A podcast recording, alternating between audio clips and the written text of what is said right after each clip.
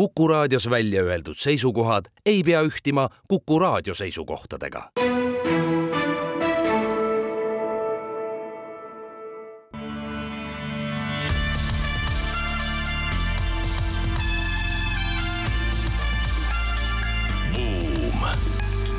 buumile annab hoogu SEB Pank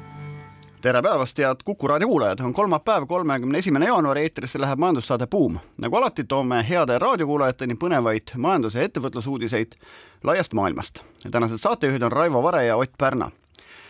alustuseks räägime sellest, miks läheb Ameerika Ühendriikide majandusel paremini kui muul maailmal edasi räägime sellist delikaatsest teemast nagu spioonid, kes üllatus-üllatus on leidnud tee suurpankade palgale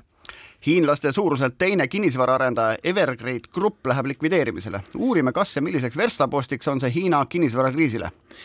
väga paljudes äh, maailma riikides on üks ja sama olukord, paljudel perefirmadel puuduvad pärijad. räägime sellest, kuidas seda küsimust võiks lahendada. kui jõuame, räägime uudisteplokis ka sellest, äh, mis tähendab defitsiit kapitalismis. nimelt on Jaapani veisekroketite järjekord nelikümmend kolm aastat tänaseks saatekülaliseks on meil Fermi Energia juhatuse esimees Kalev Kallemets, kes aitab meil ka uudiseid kommenteerida.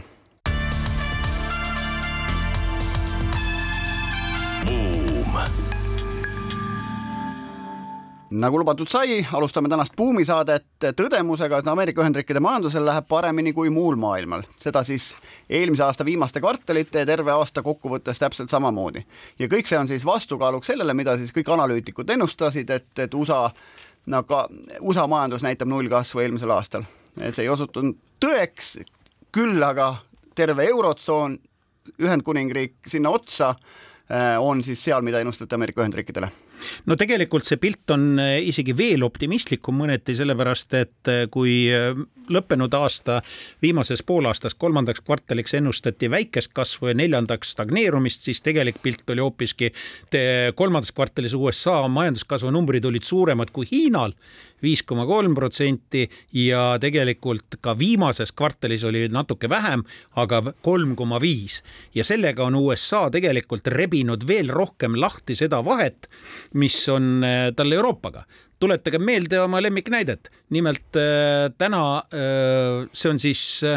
kaks tuhat kaheksa aasta seis, see on enne siis eelmist suurt majandusfinantskriisi, oli Euroopa Liidu, kus oli kakssada miljonit rohkem elanikku, skp suurus USA suhtes oli laias laastus üheksakümmend neli protsenti. tänaseks on see kukkunud alla seitsmekümne ja samas inimesi on vähemaks jäänud ainult äh, Suurbritannia võrra, nii et tegelikult me oleme ja ikka on palju üle saja miljoni rohkem kui USA-s, nii et tegelikult me oleme ikkagi maha jäämas, USA rebib ette ja järelikult midagi on seal ikkagi, mis toimib paremini kui Euroopas. ja ma arvan, et üks midagi võib olla natukene energeetika, et äh, kui äh, siin äh, kaks aastat tagasi oli meie peamine või Euroopasse gaasitarnija Venemaa, siis tänaseks selleks on absoluutselt ühemõtteliselt Ameerika Ühendriigid, nende LNG nagu ekspordimahud on äh, kaugelt suuremad kui teistel ja, ja juurde ehitatakse peaaegu topelt nii palju ja see oli ka põhjus, miks Biden äh, selle nädala alguses keelustas uute projektide nagu autoriseerimise. Äh,, aga ikkagi neil on gaasi hind viis korda madalam äh, Henry Hub äh, täna, kui on Euroopas TTF ja noh, see on ka hästi ilmne, et ka pikas perspektiivis see saab olema Ameerikal oluline konkurentsieelis, et neil on oma fossiil- ja, ja muud energiaallikad ja Euroopas me oleme kinni pannud gaasiväljasid, tuumajaamasid ja, ja elektri hind on ja, ja muud energiahinnad on objektiivselt kallimad no see Bloombergi analüüs, mille pealt me seda juttu siin praegult vestame, see räägib ühelt poolt sellest, et Euroopa riigid põhiliselt on ikkagi energia netoeksportijad, Ameerika Ühendriigid seda pole. ei, ei, net-, netoimportijad Net,. netoimportijad, vabandust, jah, netoimportijad ehk siis, et sõltuvalt sellest, millise hinnaga nad energiat saavad osta ja noh, nüüd see Vene-Ukraina või venelaste sõda Ukrainas viis, me teame, mis energiahindadega on teinud. küll nad toovad välja ka siis teisi tahkusid sellel põhjusel, miks ameeriklastel läheb hästi. esmalt see, et nad siis selle suure Covidi kriisi ajal sumasid majandusse ikkagi nagu tohutul hulgal raha, täpsemalt siis viis triljonit dollarit, mis on siis SKP-sse suhtena kõige suurem maailmas, ainult Singapur pani tööstusriikides natukene rohkem, aga Singapur on väike enklaav, eks, Ameerika Ühendriigid suur, suur riik. Et, et ja nad ütlevad seda, et tegelikult see sisetarbimine veab seda kasvu ka täna, ehk siis, et siis, kui see raha majandusse pandi või inimestele tegelikult ju kätte jagati otse, et ta jäi pangakontodele seisma, seetõttu majandus seisis, seda raha tarbida ei saanud, reisida ei saanud, eks, ja seda raha tarbitakse nüüd jätkuvalt siis edasi, seda, mis siis tollal, tollal, tollal turule, turule pandi. ja noh, teine asi kindlasti on ka see, et, et kust see raha tuli, eks, siis trükiti dollarit, on ju, või või et, et ehk ameeriklaste välisvõlg ikkagi suureneb ja see, et nad on maailma reservvaluuta siiamaani, on ikkagi võimaldanud neil seda, et kui on puudu, trükime juurde või, või siis äh, müüme võlakirju? no tegelikult oli ikka veel ka puht finantstehnoloogilisi võtteid, mida riiklikult rakendati Ameerika Ühendriikides, mida meil siis Euroopas kas üldse ei tehtud või tehti mõningase viivitusega. no näiteks neil kehtestati ka äh, võlgade tagasimaksete ajutisi moratooriume või peatamisi. Neil äh, tegelikult refinantseerimise mängureeglid on oluliselt mugavamad nii ettevõtluse kui inimeste seisukohast kui võrreldes äh, Euroopa Liidus äh, kehtivatega ja kõik need kokku koos tarbija käitumisega, aga Ameerikas on alati olnud kaks kolmandikku nii-öelda majanduslikust ähm, heaolust on seotud olnud tegelikult äh, tarbimisega ühel või teisel viisil ja siis ka veel väikese sõltuvuse tõttu võrreldes näiteks Euroopaga ekspordist, eriti mõningate juhtivate Euroopa riikide sõltuvus ekspordist on väga kõrge, nagu meilgi, või natuke madalam ainult, aga Ameerika sõltuvus on, ta on ise, asi iseeneses majandusena, on palju väiksem, kõik see kokku andis täiendavat nii-öelda efekti. no muidugi siit kaugelt seda Ameerikat imetleda, ega ta nagu absoluutne nagu selline noh, ta võib olla kõikide võimaluste maa ja, ja Colt tegi seal mehed võrdseks, on ju, aga ega seal on ka omad probleemid nende kogu see tervishoiusüsteem on tegelikult neil ettevõtete kaela peal, ehk siis seda solidaarsust on üsna vähe seal, inimesed tänaval on ikka pigem keskeast üles juba hambaid suus pole, eks, aga nad on jätkuvalt sõbralikud, aga noh, kõik, kes on käinud, teab seda, et see kohalik tervishoiusüsteem on nagu ta on, ega ta kõikidele korralikult kättesaadav ei ole me teame, et tulu deklareerimine võtab seal ilmatu kaua aega, hulk raha läheb sellest siis advokaatidele, kõigile nõustajatele. eelmine saade rääkisime sellest, et keegi ei tea, palju on hiinlased ostnud Ameerikas maad kokku, üks põhjus selleks on muuseas see, et neil pole korralikku kinnisvararegistrit, ka valdkond, kus tegelikult advokaadid raha teenivad, ehk siis teha selgeks, milline vara kellele kuulub, kui teda müüma hakatakse. ehk siis ka seal on palju asju, mis tegelikult on Euroopast nagu tagapool, et, et selles mõttes noh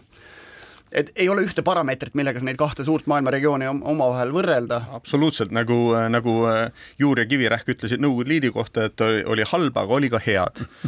Ja Pribaltika oli hea. No igal juhul äh, tulevik ei ole selles mõttes ka lihtne, aga fakt on see, et nii nagu ka eelmise suure majanduskriisi ajal ju suuresti moodi loob ju tegelikult Föderaalreserv föderaalreservi kalkulatsioonid ja kaalutlused oma eh, nii-öelda eh, tegevuses on seotud majandusliku heaolu seisuga. ka Ameerikas ei ole veel tööpuuduse probleemi, nagu meilgi ei ole. Ameerikas on tegelikult eh, kõige esimesena tõenäoliselt intressid ka alanemisele minemas ja sellega ka loodud tee teiste jaoks ja mis on veel, tõenäoliselt väheneb see kasvutempo nüüd mõneks ajaks, seda nagu ennustatakse, Bloomberg sellest kirjutab, aga samal ajal Ameerika Ühendriigid on pika puuga praegu ees äh, kunstaruga ja üldiselt arvatakse, et see kunstaru, kunstaru mõju hakkab mõne aja pärast nüüd küll mitte selle aasta esimeses pooles, aga sealt edasi hakkab jällegi uuesti tagasi tooma majanduslikule kasvule ja efektiivsusele. Ja tegelikult ju me ju ka vist eelmine kord saates rääkisime, et kahe tuhande kolmekümnendaks aastaks hinnatakse kunstaru mõju maailma majandusele kuueteistkümnele triljonile äh, dollarile, see on kuusteist protsenti nii-öelda maailma majanduse tänasest mahust. Ja tegelikult see, mis sealt tulema hakkab, ega see täpselt keegi veel ette kujutada ei oskagi. Ja noh, ega see Ameerika on ka nagu saja näoga või vähemalt viiekümne näoga, viiskümmend osariiki seal on, et et kui California on hästi progressiivne noh, igasugustes õigustes ja, ja vabadustes ja, ja ma ei tea, hüdrogeeniga autod ainuke koht või piirkond maailmas, kus ringi sõidavad, eks, et siis on tükk maad konservatiivsemaid piirkondi, kes valivad vabariiklasi ja, ja, ja on võib-olla teisel arvamusel kogu nii energeetika tulevikust kui ka üleüldse siis Ameerika Ühendriikide rollist maailmas ja nii edasi, et selle tõttu ta noh, et ühesõnaga, kui Ameerikast lähemalt tahad teada, siis pead kohapeal käima natuke seal ringi lääne ja idakaldal ja võib-olla ka Kesk, Kesk-Ameerikas. mis ameeriklaste kasuks mina energeetika vaatest võin öelda, on, et nad on märksa pragmaatilisemad kui, kui eurooplased, et ne, nagu sa ju väga õigesti ütlesid, et seal sinised ja punased vabariiklased demokraadid üksteist peavad pikka väga, ütleme, väga vaenulikult suhtuvad, aga kus nad on nõus, on see, et Hiinat tuleb ahistada ja teiseks, et tuumaenergiat tuleb teha. ja, ja, ja noh, kõlakad käivad ka selle üle, et sõltuvalt sellest, kas Valges Majas on siis vabariiklane või demokraat valitseb, on seal vastavalt siis kas Coca-Cola automaadid või Pepsi automaadid. aga selle teadmisega lõpet-, teeme siia väikese pausi ja siis tuleme Buumi saatega tagasi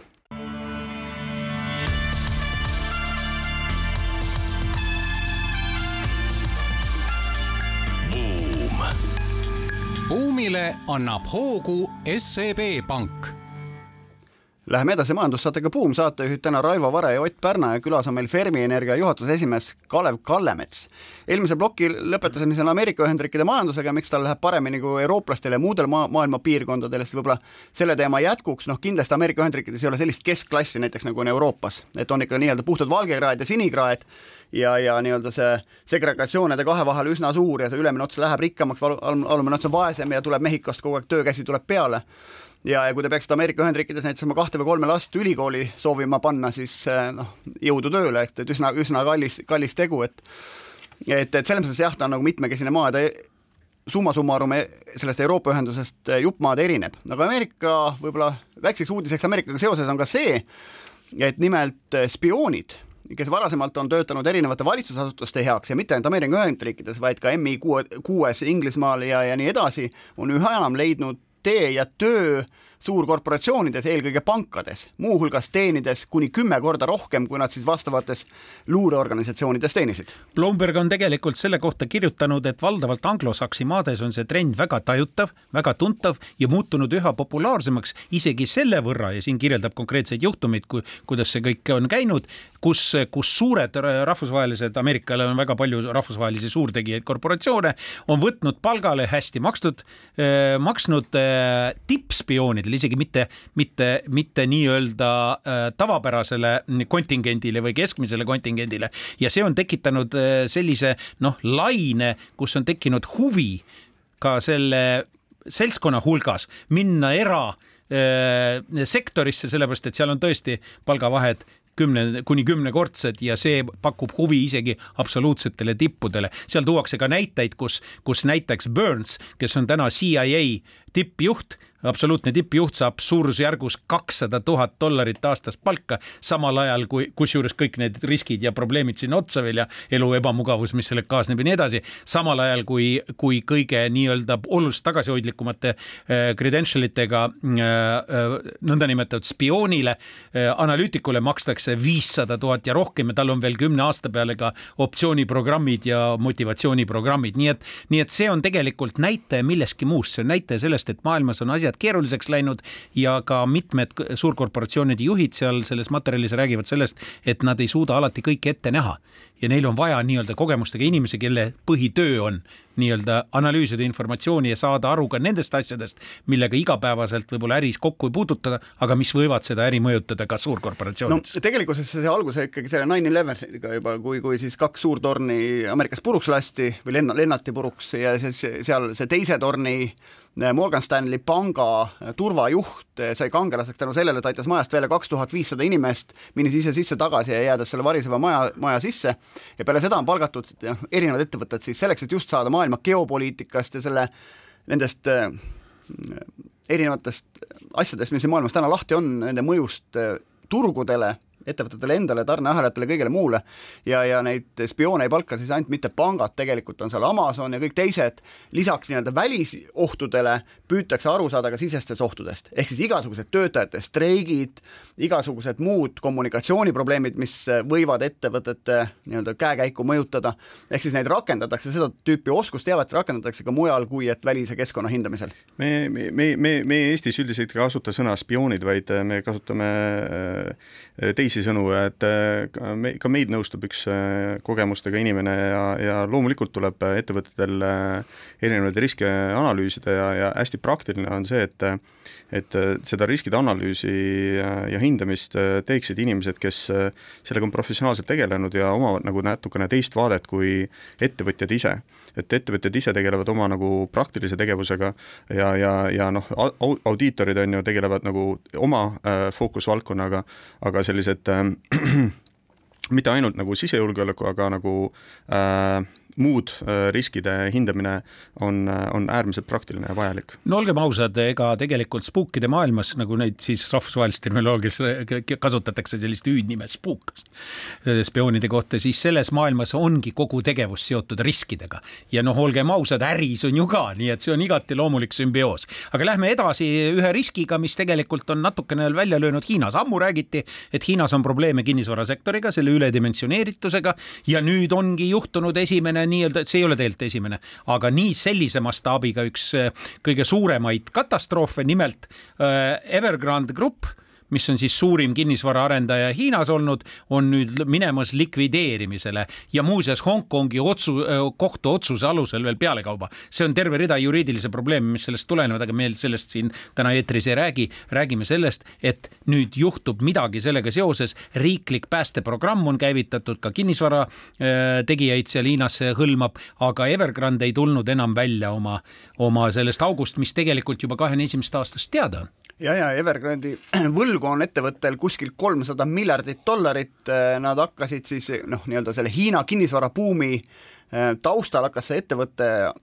kasvama, ehm, noh, Hongkongi kohus määras ta, hakkas teda siis likvideerima, aga tegelikult on registreeritud või inkorporeeritud Kaimani, Briti Kaimani saartel üldse. ja põhitegevus on äh, mitte Hongkongis, vaid äh, maismaa ja, ja pankrotiavalduse nad esitasid New Yorgis üldse, et globaalne konglomeraat, eks, aga, aga aga see on huvitav jah, et, et nüüd kukub, ta minu andmetel peaks seal Hiina suuruselt teine kinnisvaraarendaja olema, mitte esimene, aga, aga, aga ümber ta kukub igastahes, samas selles kontekst, kui me mõtleme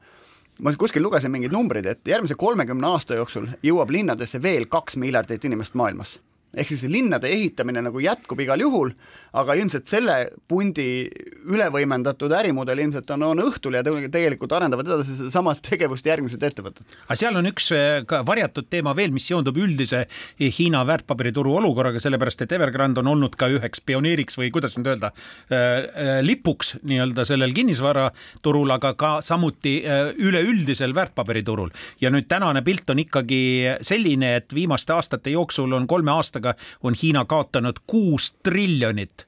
väärtpaberiturgudel ja loomulikult see Evergrandi juhtum ei anna sugugi mitte parimat signaali, ehk siis see nii-öelda kokkutõmbumine sellel turul tõenäoliselt veel jätkub, arvestades veel ka esimest Xi poliitikat. ja et seal tasub veel ühte ettevõtet tähele panna, mille nimi on Country Garden, kes on samasugustes probleemides ja on see number üks. et ja miks ta on veel süsteemselt, kui ma õigesti aru saan, probleemne on see, et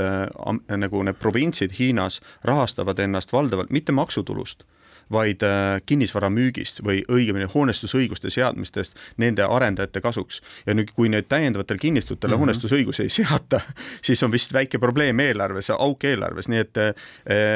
tõesti, protsessid suures riigis võtavad natukene aega, aga ütleme, Hiinas on probleemid. aga igal juhul on Peking ärganud, valitsus on praegu kiirkorras hakanud rakendama erinevaid päästemehhanisme ja eks näib, kuidas see läheb, aga tuletage meelde, miks see oluline on, sellepärast et see ei mõjuta mitte ainult Hiina väärtpabereid, väärtpaberiturgu või kinnisvaraturgu, see mõjutab kõiki teisi samuti, sest kõigele muule lisaks see mõjutab Hiina majandusarengut ja Hiina majanduse kasv moodustab keskmiselt maailma majanduse kasvu absoluutsest, ma rõhutan, absoluutsest juurdekasvust miinimum nelikümmend protsenti. no siit on hea üle minna võib-olla ühele teisele Hiinas võib-olla teatavat probleemi tekitavale valdkonnale ka, nimelt on selline ettevõte seal nagu Vanda Grupp või, või Talian Vanda teise nimega, ettevõte, kelle juhil äh, ei ole pärijaid ja, ja The Economist kirjutab selle kohta pikema loo, et, et kuidas siis juhtida ettevõtteid, kellel pole pärijaid. aga see on maailmas tõesti suurtele gruppidele probleem ja seda Vanda Grupp ise on Hongkongis resideeruv või baseeruv, on tegelikult maailma suur konglomeraat, mis tegeleb lisaks kinnisvarale tegelikult ka meedia ja kõige sellega. kinode, kinoketti omab, mingi hetk nad omasid Ironmani brändi näiteks, hiljem müüsid maha selle. et selles mõttes ülemaailmne konglomeraat, mehel on üks poeg kes ei taha ettevõtet üle võtta, mehe varanduse väärtus peaks olema circa kümme triljonit, aga siiski poeg ei taha, mitte kümme triljonit, kümme, kümme miljardit, siiski poeg ei taha üle võtta. kusjuures tegu on siis, rõhutame veel kord, on perefirmadega tegu ja see puudutab kõiki perefirmasid, sugugi mitte ainult selliseid Vanda Grupi taolisi suuri konglomeraate, vaid samuti väga tihti, näiteks Euroopas väga tihti ka väikesi ja keskmisi pereettevõtteid, kes seejuures ei ole ka üldjuhul turul ja, ja ma pean silmas väärtpaberiturul ja, ja see tähendab seda, et see on tegelikult katastroofiliste tagajärgedega. mida teha, kui patriarh ei, ei taha või ei suuda äh, leida endale järglast ja, ja siis kuidas minna edasi ja kui on ka väikeaktsionärid seal perefirmas veel juures, siis neil on veel eriti suur häda sellega seoses. pere ju kontrollib ja patriarh kontrollib kõike, nii et tegelikult me oleme korra sellest teemast rääkinud siin Soome näidetel ja natukene ka Eesti näidetel, aga nüüd on siis tegu siiski ülemaailmse probleemiga, nagu selgub äh, äh, Economisti artiklist ja sellele on ulatanud abi abikäe, üks pretsedenditu äh,, kuidas nüüd öelda, konsultatsiooni ja finantseerimise äh, vorm. nimelt äh, otsivad fondid on vist see tõlge või? Searching funds ehk siis sellised finantsettevõtmised, kus on siis sellised nooremad kolmkümmend, nelikümmend pluss inimesed, kes siis otsivad selliseid firmasid, nagu me praegu rääkisime, kus on tegu järgluse probleemiga ja pakuvad ennast nii-öelda asemel, nad investeerivad sinna, nad võtavad selle üle, nad ostavad selle patriarhi käest selle firma sisuliselt välja või mingisuguse muu vormeliga ja, ja tegelikult tegelevad ka turnaround'iga vajadusel, nii et see on nagu uus vorm, mis on kasvav, ta on veel väike, aga see mastaap on juba miljardites. ja eks need, need äh, sellised asjad on tegelikult üldiselt sellised private equity fondid või, või erakapitali fondid, kes selliseid ettevõtteid otsivad ja üle võtta püüavad ja siis omavahel liita. Äh, kui te soovite siis kellegi ukse taha minna sellel teemal, siis Giorgio Armani on üks mees, kellel lapsi näiteks pole ja et vara väärtus on kaksteist koma üheksa miljardi, miljardit dollarit et, et samas teil ei tasu minna äh, siis Prantsuse kõige suurema konglomeraadi Louis Vuitton, Monet, Hennessy ukse taha, kuivõrd seal on just äsja ilmunud selle aasta alguse info, et äh, Bernard, äh, vanahärra, kes siis gruppi juhib hetkel, on oma poja ma ei mäleta, millise poja. kahekümne üheksa aastase. kahekümne üheksa aastase poja määranud üheks siis supervisor board'i tegelaseks ja nüüd on toimunud siis nagu kollases meedias ennekõike suur arutelu, et milline see pärandiskeem saab olema, tegemist on siis maailma rikkaima mehe varandusega, mille ta on päris huvitaval kombel üle, üle aja omandanud, hakkas Dior grupist pihta, tegelikult hakkas ta üldse väiksest pere kinnisvarafirmast alguses pihta, et päris põnev lugu, kuidas vanamees üldse brände armastama hakkas, ta läks, nimelt läks ta äh, Ameerika Ühendriikidesse, sõitis taksoga ja küsis, et härra, et härra taksojuht, et kas sa mõnda, äh, kas sa, kas sa Prantsusmaa presidenti tunned see ei tundnud, aga ma tean, mis asi on Christian Dior ja peale selle läks mees tagasi, osti, võttis üle tegelikult ühe, ühe grupi, kus sees oli Diori bränd ja müüs kõik ülejäänud maha, jättis Diori ja ja, ja ühe kaubamaja alles ja seal ümber ehitati tegelikult kogu see maailma suurim luksusbrändide konglomeraat, kus on siis kõik need Tiffany, Dark Hoteli kellad, kõik, kõik sellised asjad sees. Aga siin on antud juhul selle probleemi nurgapüstitus on selline, et mitte nii, nagu me oleme seni rääkinud, et patriarh ei taha, vaid pigem on probleem selles, et patriarh ei saa. Ehk siis ei leita nii-öelda seda järglust. Ja patriarh on olnud just nii, nagu sa kirjeldasid, Ott, olnud nii-öelda aast ja hoost alustanud, ta on kogu selle teekonna läbinud, see on kõik tema käes, kõik tema peas, kõik on tema oskustes, tema sidemetes, tema võimetes kinni. Ja siis ongi probleem. tihtipeale muuseas loodus ka puhkab laste peal, nii et see ongi paratamatus, et siis tuleb leida teisi lahendusi ja alati leidub ettevõtlikke inimesi, kes neid ka pakuvad näiteks search fondide näol. aga võib-olla räägime ka veel korraks siiski defitsiidist, sest see mind väga pani nii-öelda mõtlema. nimelt selgus, et ka kapitalismis on võimalik defitsiit, mis tekitab olukorra, mis eh, juba Ott mainis ära, võib neljakümne kolme aastase ooteaja tekitada mingi järjekorra mingisuguse kauba eh, nii-öelda defitsiitse kauba järele ja antud juhul see ei ole mitte midagi muud kui kobestiilis eh, loomalihast tehtud krokettide kuskil Jaapanis Takasago linnas, Lääne-Jaapanis Hyogo prefektuuris on üks ettevõte Asahia, mis millegipärast on siis nii populaarne, et inimesed, te kuulete õigesti, nelikümmend kolm aastat on ettetellimisel valmis ootama, millal ükskord nendeni vastavad kroketid jõuavad. Neil on muuseas muidugi ettevõtlike inimestena ka vahevariandid, mis on lühema ooteajaga, aga oodatakse ja neist on puudus jah, et kui siin midagi raadiokuulajale soovitada, siis kindlasti kuulake Buumi, me räägime jätkuvalt maailma erinevate põnevate inimeste elulugusid või kuidas nad oma ettevõtteid on ehitanud ja rikkaks saanud või ka ettevõtete endi lugusid, nagu äsja, äsja Raivo praegult, aga teeme siia väikese pausi, siis tuleme juba konkreetsemalt Kalev Kallemetsa ja Eesti ja maailma energeetika teemaga tagasi.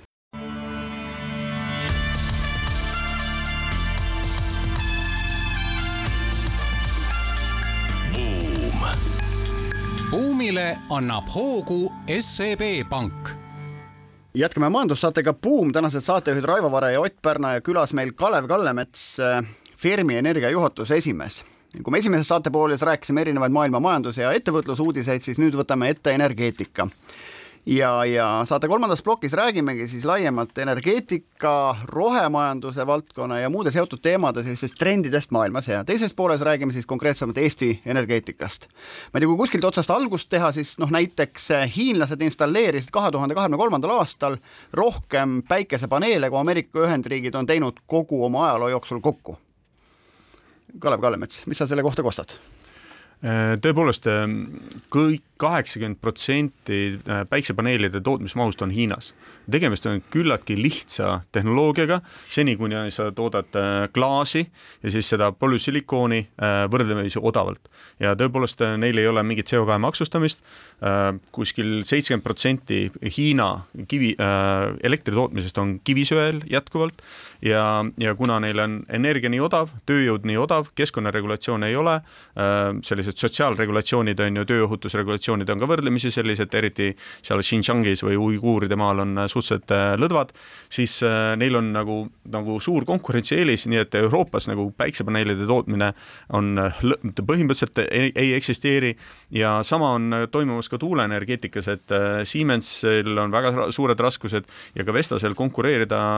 peale tulevate Hiina tootjatega, täpselt nagu me näeme elektriautode puhul. muuseas, sellepärast Euroopa Liit praegu kavandabki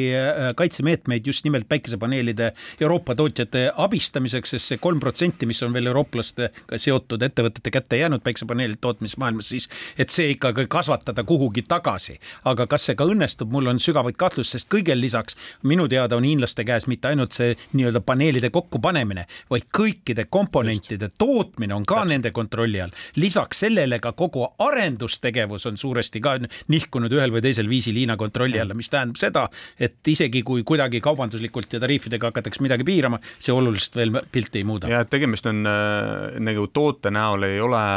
nii, niisuguse kõrgtehnoloogilise tootega nagu lennud, lennukid äh,, peenmehaanika ja elektroonika, vaid äh, on suhteliselt selline mahukaup ja, ja selles mahukaubas on Hiinal nagu väga suur konkurentsieelis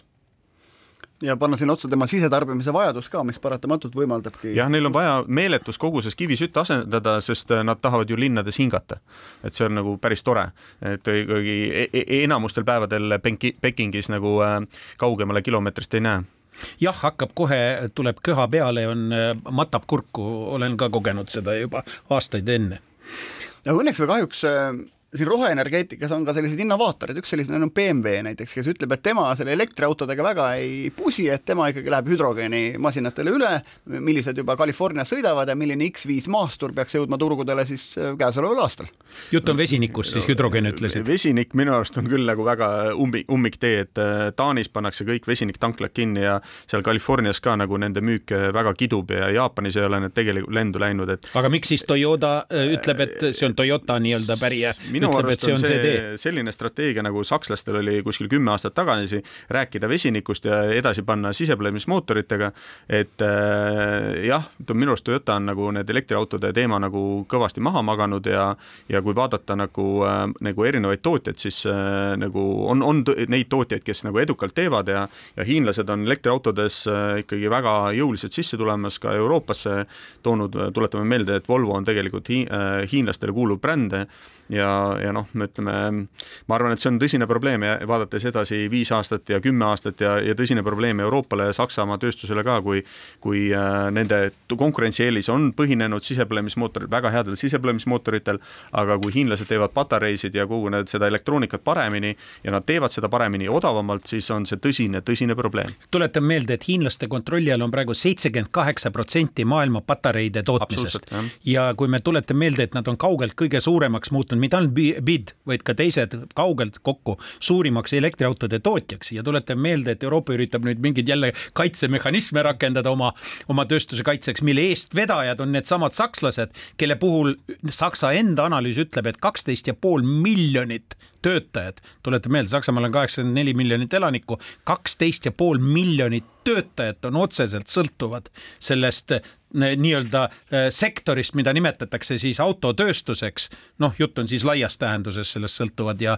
ja selle tarnimistest ja nii edasi, siis see tegelikult on fundamentaalne küsimus mitte ainult Saksamaale, vaid see on ka tegelikult Euroopale fundamentaalne küsimus. no seesama sektor, mille, mida sa nimetasid ju töötas varasemalt selliselt, et ostis Venemaalt odavat energiat ja müüs, tegi, pani autod val-, tegi autod valmis ja viis nad või müüs nad siis Hiinas maha. see energiateema veel sinna otsa just, just, just, et äh, aga samas on muidugi huvitav see, et, et kui me räägime elektriautodest, põrgates korra kõrvale, siis tegelikult see ainult mitte ei ole, see ei ole ainult nagu selle auto enda energia nagu või liikuma paneva jõu küsimus, vaid see on tegelikult kogu ärimudel üleüldse, mis autotööstuses on. igasugune järelhooldus, mida oli vaja sisemise põlemismootoriga autodel, eks, vahetad piduriklotse ja vahetad õli ja elektriautodega seda probleemi väga ei ole, ta pidur, pidurdab mul... nende samade generaatoritega ja, ja ja õli ei ole, eks. mul on aasta aega olnud Škoda Enyaq ja, ja noh, tõepoolest õlivahetust ei pea tegema ja noh, ütleme, on väga mure, murevaba. aga te kõik rõõmustate, aga muuseas Venemaal on probleem. nimelt on. Venemaa on massiliselt sisse toonud, nagu me teame nüüd Hiina autosid, Hiina autode müük eksport ongi kasvanud väga suures osas Venemaa arvelt.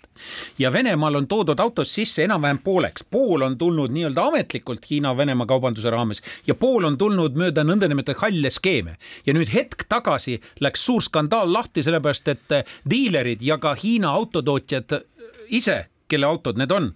keelduvad hooldamast ja tegemast mingeid remondi ja mis iganes äh, äh, töid nende autode suhtes, mis on tulnud hallide skeemidega, mitte ametlikult. ja see on tekitanud Venemaal suure peavalu, sest tuleb välja, et neid autosid on mitmesaja tuhande jagu tükkides ja, ja nüüd miks ma sellest räägin, tuleb välja, et midagi ikka tuleb teha, päris nii ei ole, et üldse ei pea midagi tegema. jah, aeg-ajalt äh, mingisuguseid äh, äh, tehnikas häireid võib olla, aga kui tulla nagu energeetika suure pildi juurde, siis maailmas me tõesti peame nagu süsinikheitmeid vähendama, et et see kliimamuutus on reaalne probleem ja noh, Euroopa Liidus mõttes me oleme, nõukogu otsus eksisteerib, me oleme otsustanud, et kahe tuhande viiekümnendaks aastaks süsinikneutraalsus tuleb saavutada ja nüüd ma vahendaks mõnda siin numbreid, kui, kui te lubate, et et selleks, et nagu enda kaks tuhat kolmkümmend taastuvenergia eesmärki saavutada Euroopa Liidus, me peaksime paigaldama kolmkümmend gigavatti äh, võimsust äh, mere, maismaa tuuleparke või tuulikuid üldse kokku. reaalne number äh, nagu Euroopa Liidus äh, paraku on äh, kahe tuhande kahekümne teisel aastal oli üheksateist,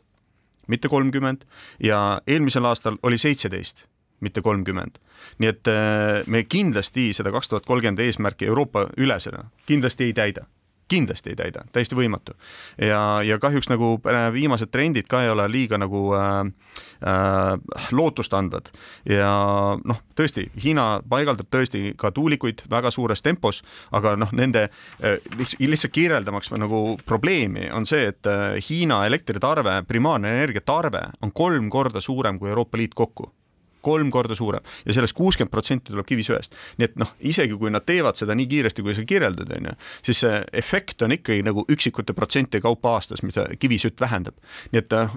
igal juhul noh, olgu jõud nendega ja, ja see on väga hea, aga noh, ütleme see, see peab veel kiiremini toimuma, nii et meil on noh, minu, minu nagu case on see, et meil on vaja kõiki, kõiki energialiike mis on süsinikheitmeta, selleks, et võimalikult kiiremini nendeni eesmärkideni jõuda. ja ühel juhul on see, et kui see energiatarve oleks staatiline, aga ta ei ole staatiline, me rääkisime seesama kaks miljardit, kes kolmekümne aasta jooksul linnadesse kolib, ilmselt üks kolmandik nendest on Hiinas, kes sinna linnadesse kolib, on ju. ja teiselt poolt pane otsa seesama tehis, tehisaru ja seotud serveripargid, on ju, mille energiatarve samamoodi suureneb, ehk siis globaalset energiatarve, ma ei mäleta peast neid numbreid, sa tead, Kalev, paremini, kui palju nad tegelikult meil siin järgmine paarikümne aasta jooksul suurenevad, et et kust ja millest seda katta. ma ise väga loodan, et äkki tulevad ka mõned uued tehnoloogiad välja selle aja jooksul, et midagi laboris kindlasti on no ma ei, tähendab äh, laboris äh, no ütleme, energeetika on eriti aeglane, eriti kapitalimahukas äh, sektor, et mis kõige suuremat muutust on toonud, ei olegi mitte nagu see taastuvenergia, on, ongi seesama LNG ja gaas. et nagu see, kuidas Ameerika on suutnud asendada kogu äh, Vene gaasi sisuliselt äh, Euroopas see on üüratu energiakogus, primaarenergiakogus kolme aastaga põhimõtteliselt. et,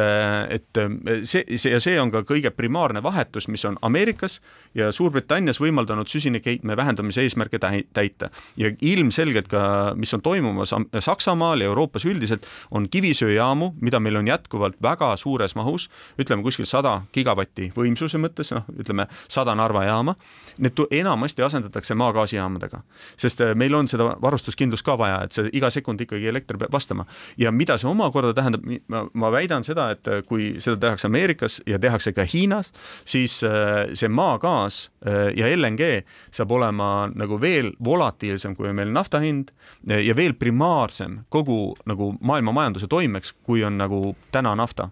ma tahaks tuua siia sisse veel ühe sellise lemmikteema endal, mis on tegelikult üleminekuetappide spetsiifika. üleminekuetapil on väga tähtis, et oleks nagu sõjas, eks ole, et rinne liigub ja siis peaks tagala järgi jõudma. meil on praegu selline olukord energeetikas, kus tegelikult tagalaga on veel äh, küsimärk, kas ta jõuab järgi rindele. meil on väga suured eesmärgid ja kliimaneutraalsus, eks ole, viiekümnendaks aastaks täna on toonud kaasa arvutuslikult neli koma kuus triljonit äh, investeeringuid aastas üle maailma, mida on vaja teha selleks, et sinna jõuda. Jutt on maailma numbritest, eks ole. Euroopa moodustab sellest ühe osa, aga mitte ainult. ja nüüd sellest omakorda tegelikult investeeringute mahud liiguvad laias laastus umbes ühe koma kaheksa triljoni peal, millest pool on finantseerimine ja pool on siis muu, muu tegelikult äh, mingitesse konkreetsetesse projektidesse paigutatu. ja selle, mida see tähendab, see tähendab ju mitte midagi muud, andke andeks, kui mahajäämust kui see samade tempodega jätkub. ehk siis tegelikult meil on küsimus, kas me tõmbame, oleme võimelised tõmbama taga, tagala järgi. Ja teine teema on sellega seoses veel ka see, et milline tagala, ehk siis seesama, mida Kalev juba pro, puudutas, praegu on tehtud eh, tehnilistel põhjustel väga suuresti valik küll gaasi kasuks, näiteks ka Euroopas, aga tegelikult see ei ole lahendus, gaas on vähem emiteeriv, kuid ikkagi emiteeriv. neutraalsuse jaoks on meil vaja tegelikult minna teistele energialiikidele, absoluutselt on välistatud, et seda sada protsenti saab renewables idega teha. järelikult on vaja midagi veel ja see on nüüd see valdkond, mis peaks olema Fermi energia nii-öelda ratsu. Ehk siis tuumaenergia küsimus, aga tuumaenergiaga on täna niimoodi, et maailm on lõhki meil on koalitsioon Euroopas neliteist riiki, kus on tegelikult tuumaenergia nii-öelda prioriteedina käsitletav ja meil on olemas ka riigid, kus on näiteks Saksamaa, mis on juba saanud oma tuumaenergia tootmist jagu ja, ja, ja selle likvideerinud ja, ja, ja Hispaania, kes kavatseb selle kahekümne seitsmendaks aastaks teha. nii et noh, ütleme niimoodi, et äh, mõneti me oleme isegi nagu natukene lõhki ja et äh, ka, kahtlemata tuumaenergial on omad äh, väljakutsed ja, ja, ja ta, mis on tõsi, on see, et ta on nii paganama aeglane, et,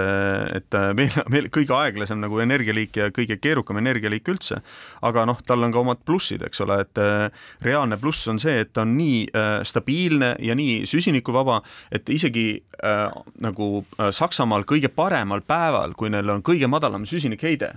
on see ikka kolm korda kõrgem, kui on Sak-, äh, Prantsusmaal terve aasta keskmisena. Terve aasta keskmisena. nii et äh, kui meil eesmärk on süsinik, siis seda nagu kõrvale jätta nagu ei pane ja see on nagu sinu sõjanduse paralleel, Raivo, ja, ja sinu lemmikasi teema on ju transport, on ju, et pakub väga head nagu paralleeli, et me ei ütle ju kõik, et kõik peavad rongiga sõitma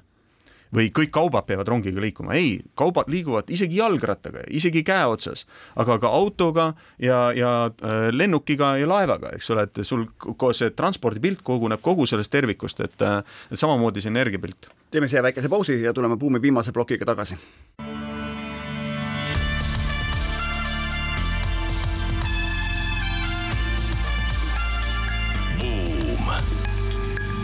buumile annab hoogu SEB Pank.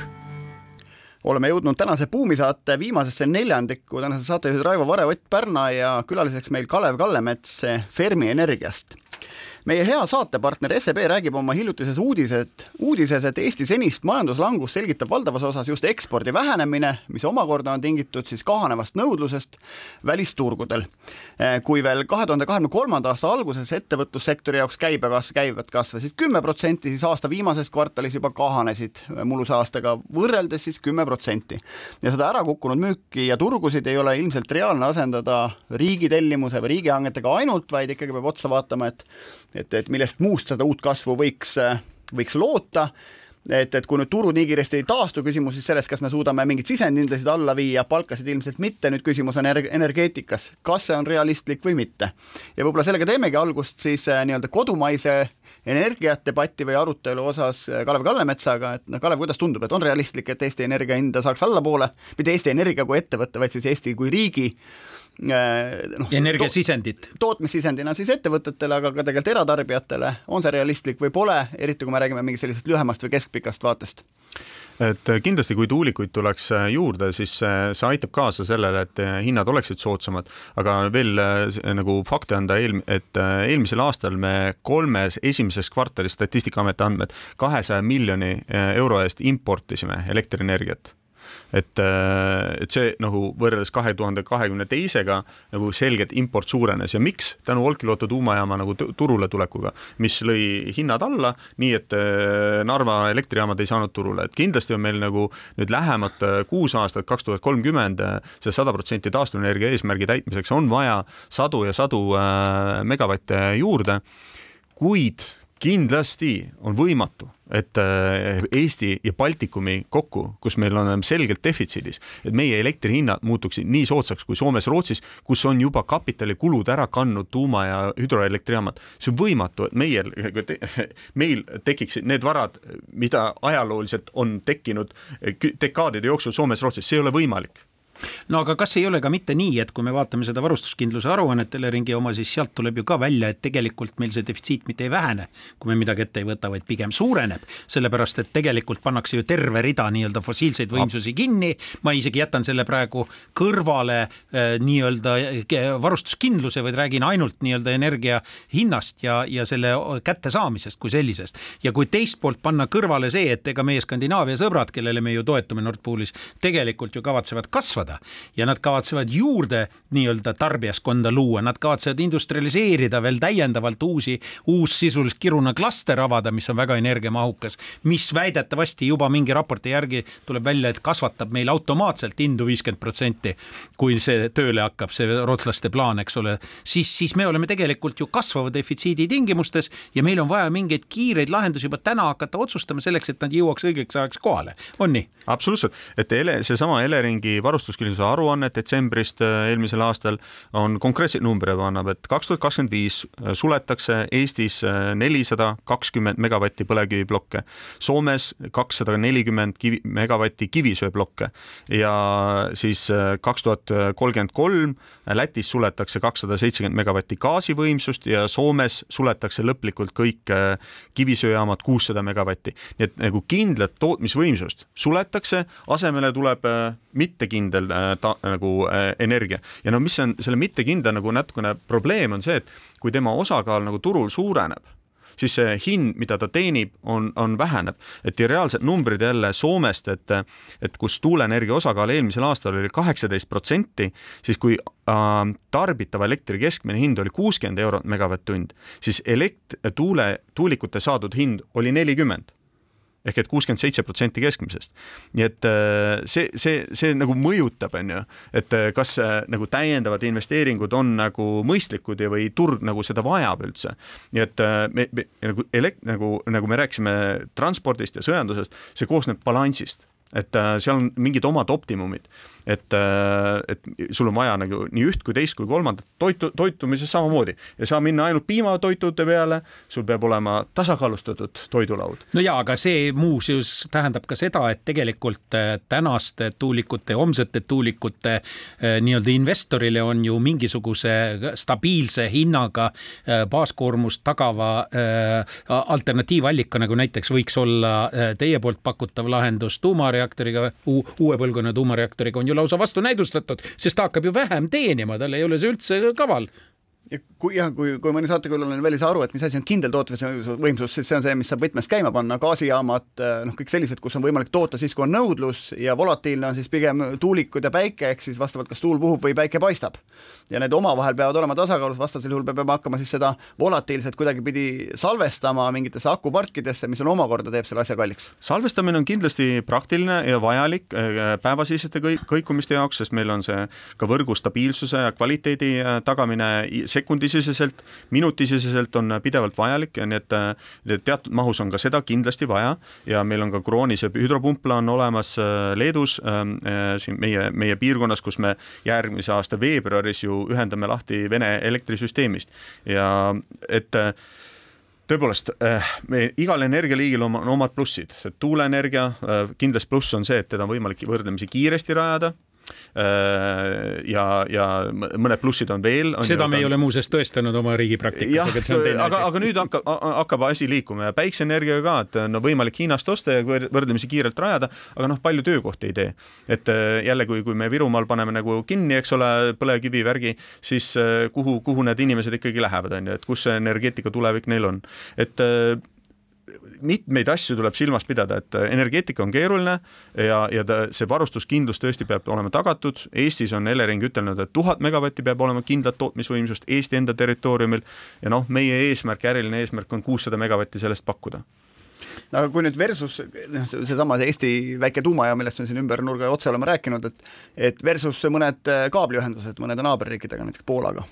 no probleem on selles, et neil on ka kivisöejaamad, mida neil tuleb kinni panna ja nagu asemele püüavad ka tuumaenergiat arendada väga tõsiselt ja me oleme hästi kontaktis poolakatega, aga äh, sellest ei, see, see lootus, et naaberriigid tagavad sinu varustuskindluse, noh, see ei ole, see on ehitatud liivale. me oleme tegelikult seda näinud ka juba, tegelikult me oleme seda näinud, aga me ei taha endale tunnistada, et eelistavad oma varustust enne ja siis alles läheb teistele. aga kas selles vallas mastaabiefekt kuidagi ei tööta, et kuhugi oleks mõistlikum ehitada suurem jaam, kui et väikeseid igale poole? ei äh,, igas piirkonnas äh,, mis on omaette piirkond, peavad olema omad kindlad võimsused. et me Baltikumina saame olema üks selge piirkond, mis on ühendatud siis alalisvooluühendustega ja noh, äh, saame Poolaga nagu olema ühendatud selle äh,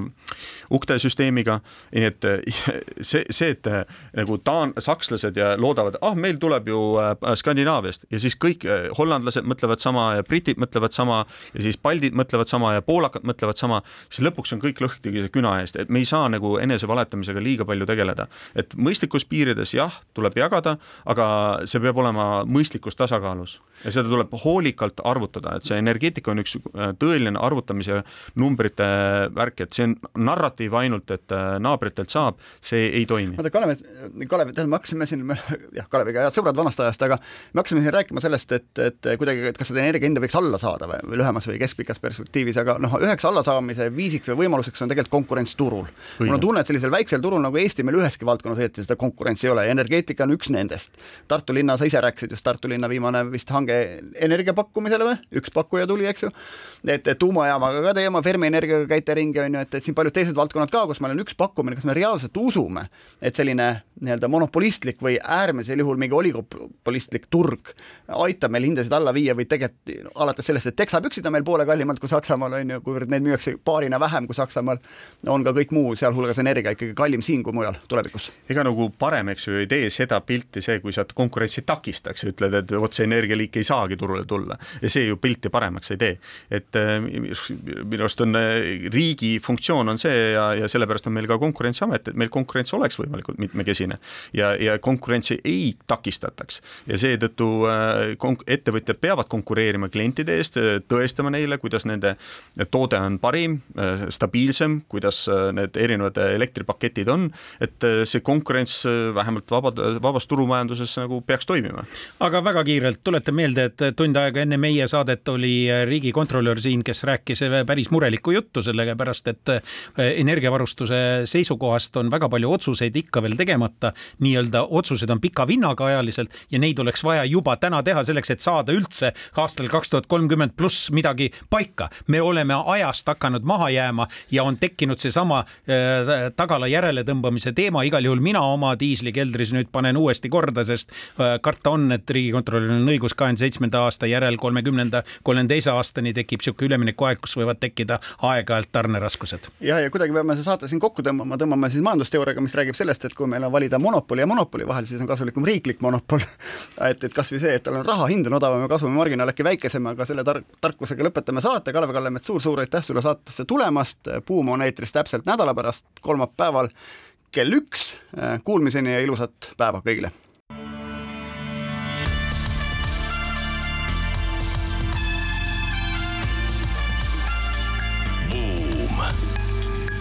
Buumile annab hoogu SEB Pank